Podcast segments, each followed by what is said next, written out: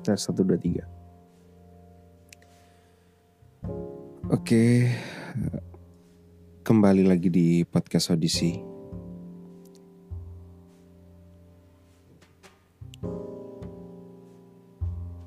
Di episode ini saya terinspirasi ketika membaca salah satu artikel yang sangat menarik di dalam majalah Bineka yang terbit pada bulan November 2016 lalu.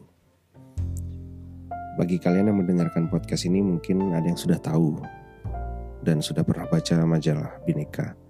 Isinya luar biasa menarik dan sepertinya majalah ini tidak begitu ramah dengan suatu rezim atau mungkin akan dituduh sebagai majalah yang berbau provokasi yang mengancam stabilitas nasional.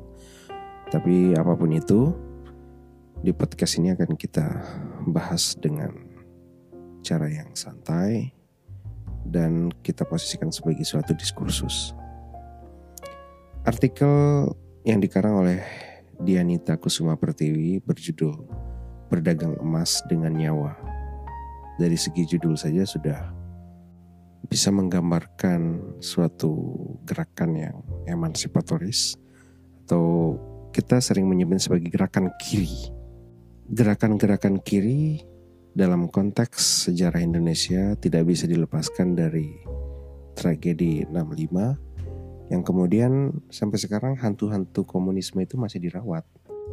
Entah siapa yang merawat, kita masih ketakutan dengan apa yang disebut sebagai komunisme seolah komunisme itu sangat jahat. Dan dalam sisi lain juga ada narasi yang terlalu berlebihan seolah komunisme itu sama sekali tidak ada salah dan buruknya. Oke, judul yang diajukan oleh Dianita Kusuma Pertiwi di sini merupakan judul artikel yang mengajak pembacanya untuk bisa merefleksikan kondisi bangsa. Negara dunia ketiga, Dianita menyebut kita, bangsa Indonesia, sebagai negara dunia ketiga. Sebutan ini tentu implisit. Negara dunia ketiga adalah istilah yang diciptakan selama Perang Dingin Istilah dunia ketiga diciptakan untuk merujuk pada negara non-blok dan membedakannya dengan NATO atau pihak komunis.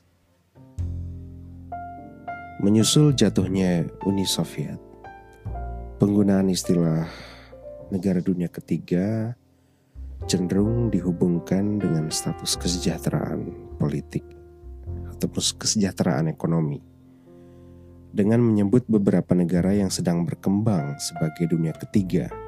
Contohnya India, Filipina, dan juga termasuk negara kita, Indonesia.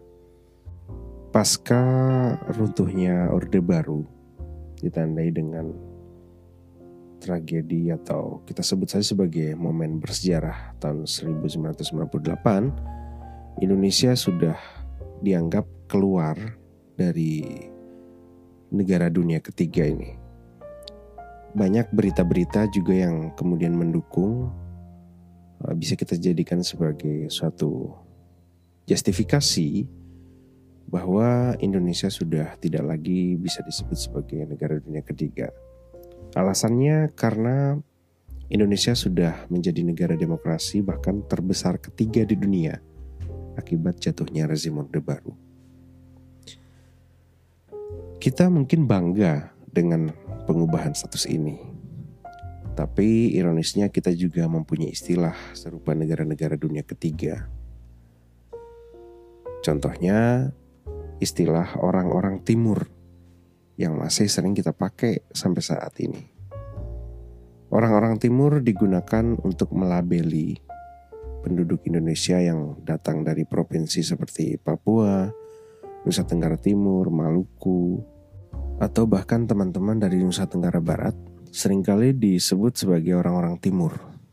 Saya mengalaminya ketika kuliah di Jogja sampai bekerja di Jogja. Ketika ada orang bertanya uh, tentang asal usul saya, saya berasal dari daerah mana? Ketika saya menjawab, saya berasal dari Lombok, Nusa Tenggara Barat, maka saya dilabeli sebagai orang timur. Itu menunjukkan bahwa saya berbeda dengan orang-orang di Jogja. Karena orang-orang di Jogja mungkin merasa diri sebagai orang yang bukan orang-orang timur. Dan ini bukan tuduhan sebetulnya ya. Menurut saya pribadi ada semacam stereotip bahwa orang-orang timur adalah orang-orang yang dalam tanda kutip tidak ramah, kemudian pendidikannya tidak terlalu maju dan bisa jadi menjadi sumber keributan. Seperti di Jogja, kita masih uh, banyak menemukan kos-kosan yang tidak ramah dengan orang-orang timur. Misalnya kos-kosan yang dengan jelas memampang tulisan di gerbangnya tidak menerima orang timur. Nah, itu adalah salah satu uh, pengaruh besar ya, terhadap kehidupan sosial di Yogyakarta bahwa ada distingsi yang sangat jelas antara orang-orang Jogja dan orang-orang yang disebut sebagai orang-orang barat, orang-orang Jawa, Bali, Sumatera dengan orang-orang yang berasal dari kepulauan Indonesia Timur. Secara historis, daerah-daerah yang termasuk dalam negara Indonesia Timur, negara federal pasca Perang Dunia Kedua, dibentuk oleh Belanda pada tahun 1948. Di tahun 1951, wilayah tersebut menjadi bagian dari Republik Indonesia. Sejak Soekarno menjadi presiden, sudah diketahui umum bahwa Jawa selalu diperlakukan sebagai anak emas. Akibatnya, ada ketidakseimbangan antara wilayah barat dan timur Indonesia. Ini juga menimbulkan sentimen, menimbulkan ketidakselarasan, ketidakharmonisan dalam diri bangsa Indonesia dan ada keyakinan etnosentrik yang kemudian terpupuk dan terawat hingga saat ini. Di sisi lain, media massa telah mendorong untuk menyerang satu sama lain dengan menyoroti kehidupan timur sebagai orang-orang hutan, di mana beberapa dari mereka masih hidup dalam gaya hidup masyarakat adat yang terisolasi dari dunia modern. Bahkan, Kondisi saat ini adalah kelanjutan dari propaganda yang dipromosikan oleh Soeharto sebagai representasi dari Orde Baru. Nama Papua pun sudah mengalami perubahan berkali-kali. Kita mengenal istilah Irian Jaya, kemudian sekarang digunakan yaitu Papua. Kalau di era kolonial, kawasan Papua yang kita kenal sekarang dikenal sebagai bagian dari Dutch New Guinea setelah aneksasi pada tahun 1969 diubah menjadi Irian Barat dan sampai dengan pada tahun 1973. Setelah tahun 73, istilah Irian Barat dirubah menjadi Irian Jaya oleh siapa? Oleh pemerintahan Soeharto. Kemudian Irian Jaya diubah pada tahun 2002 yaitu tentu setelah jatuhnya rezim Orde Baru yang digantikan namanya dengan istilah Papua. Selama pemerintahan Presiden Soeharto, istilah Papua Barat, Papua dan Melanesia menjadi pembeda antar kelompok etnis di negara Indonesia. Selama rezim Orde Baru, daerah yang kemudian mencakup Papua Barat, Papua, dan Melanesia disebut sebagai Irian. Publikasi kekacauan yang ditimbulkan orang-orang Papua amatlah tidak seimbang. Padahal, tindakan orang-orang Papua yang dianggap menggunakan kekerasan sering kali adalah bentuk pembelaan diri dari rezim. Orang Papua sering kali diserang dan dirugikan, di mana tentu mereka perlu untuk mempertahankan diri.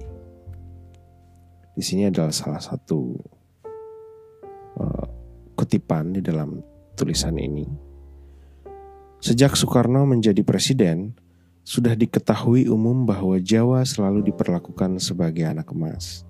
Akibatnya membuat ketidakseimbangan antara wilayah barat dan timur Indonesia.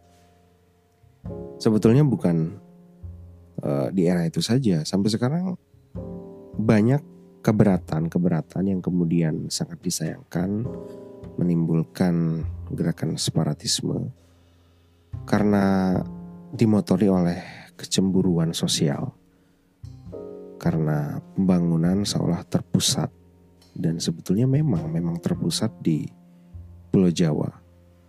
Di mana Papua menjadi kayu bakarnya dan Pulau Jawa sebagai perapian dan apa yang dikelola, apa yang dimasak melalui perapian itu dinikmati hanya oleh orang-orang yang ada di Jawa atau lebih spesifiknya yang ada di Jakarta.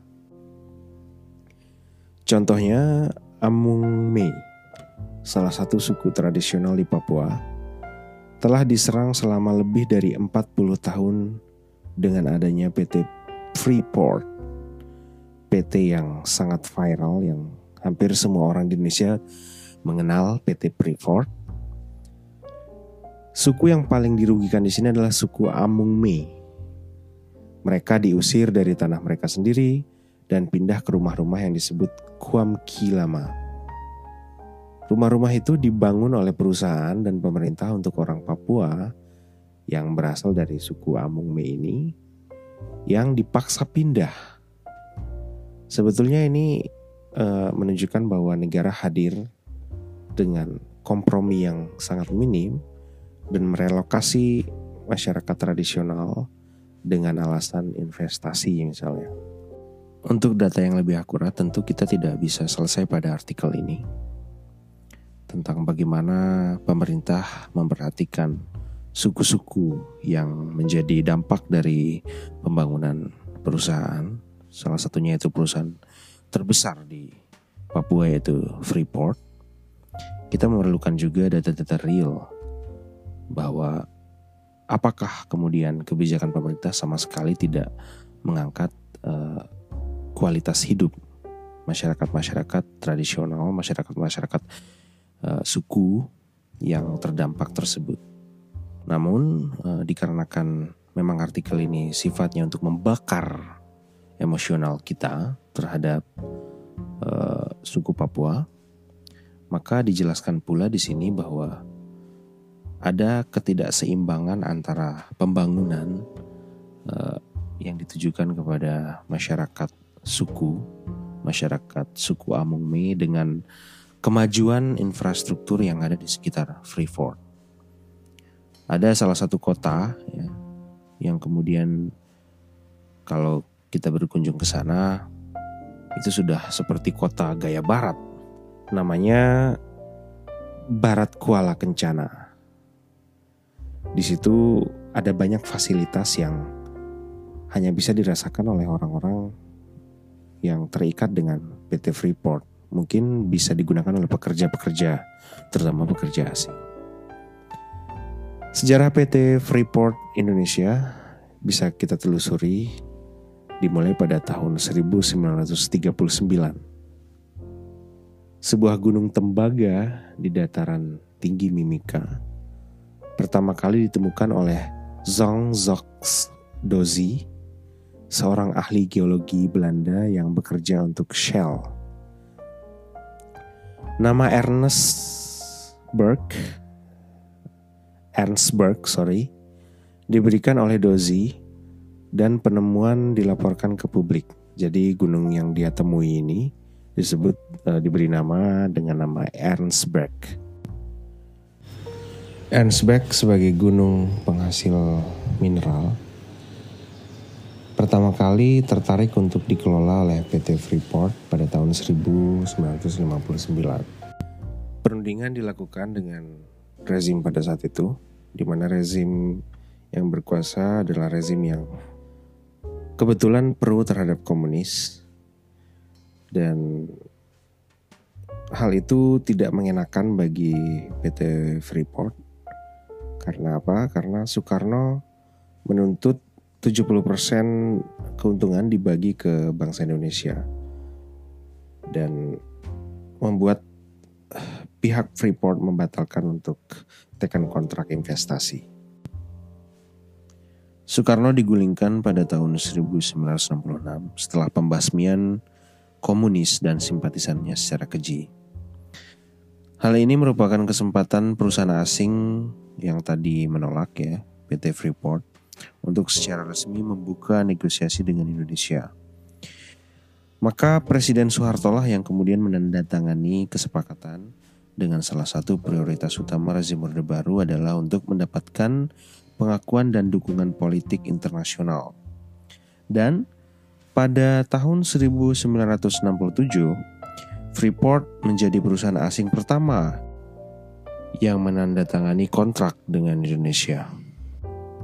Tidak lama setelah penandatanganan kontrak, terjadi pergulatan, terjadi konflik di mana ada perlawanan dari suku Amungme Kamuru, Moni, dan Nduga, di mana mereka telah menderita akibat penjajahan modern.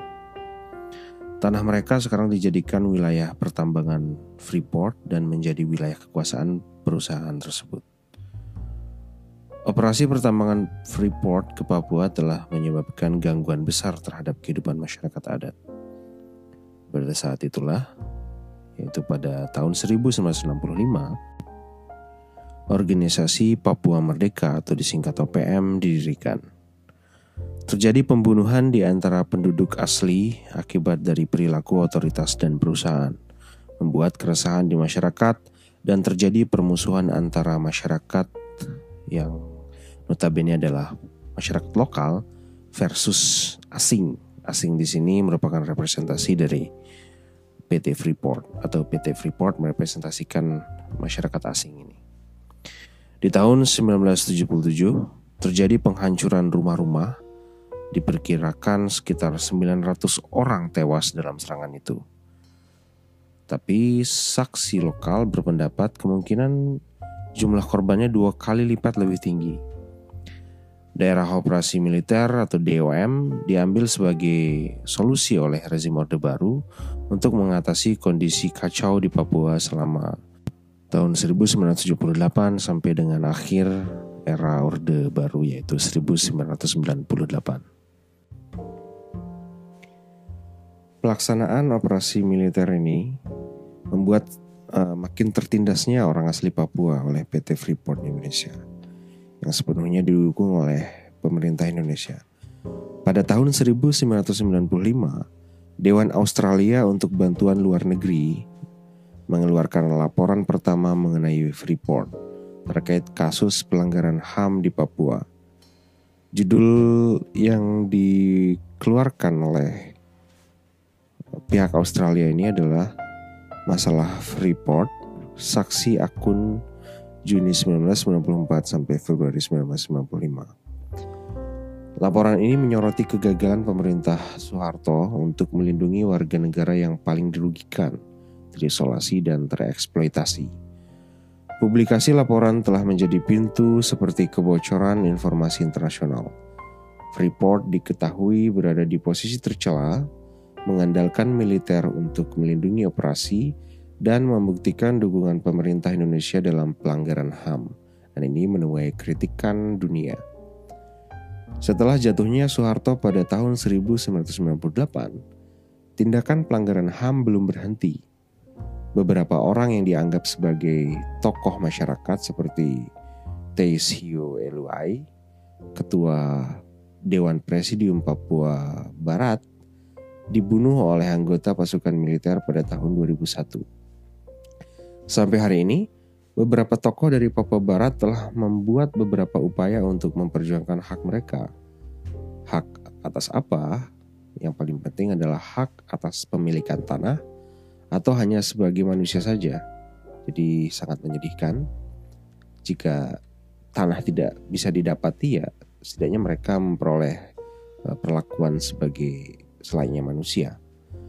Salah satu contoh adalah tindakan hukum yang diambil Tom Benal, pemimpin Amume yang menuduh Freeport McMoran telah ambil bagian besar dalam perusakan lingkungan, pelanggaran HAM, dan genosida budaya.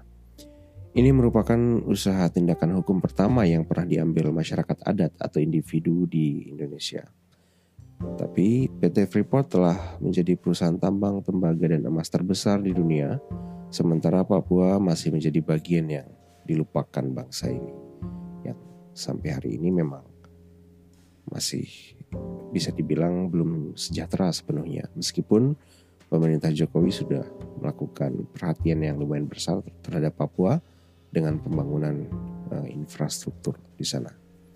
Semoga artikel yang ditulis oleh Dianita Kusuma Pertiwi menjadi salah satu bahan renungan bagi kita, bagi siapa pun itu, terutama bagi saya pribadi yang menempuh jalur akademik misalnya, ataupun sebagai aktivis untuk memperhatikan sebetulnya siapa yang paling terdampak oleh suatu kebijakan tertentu di negara ini.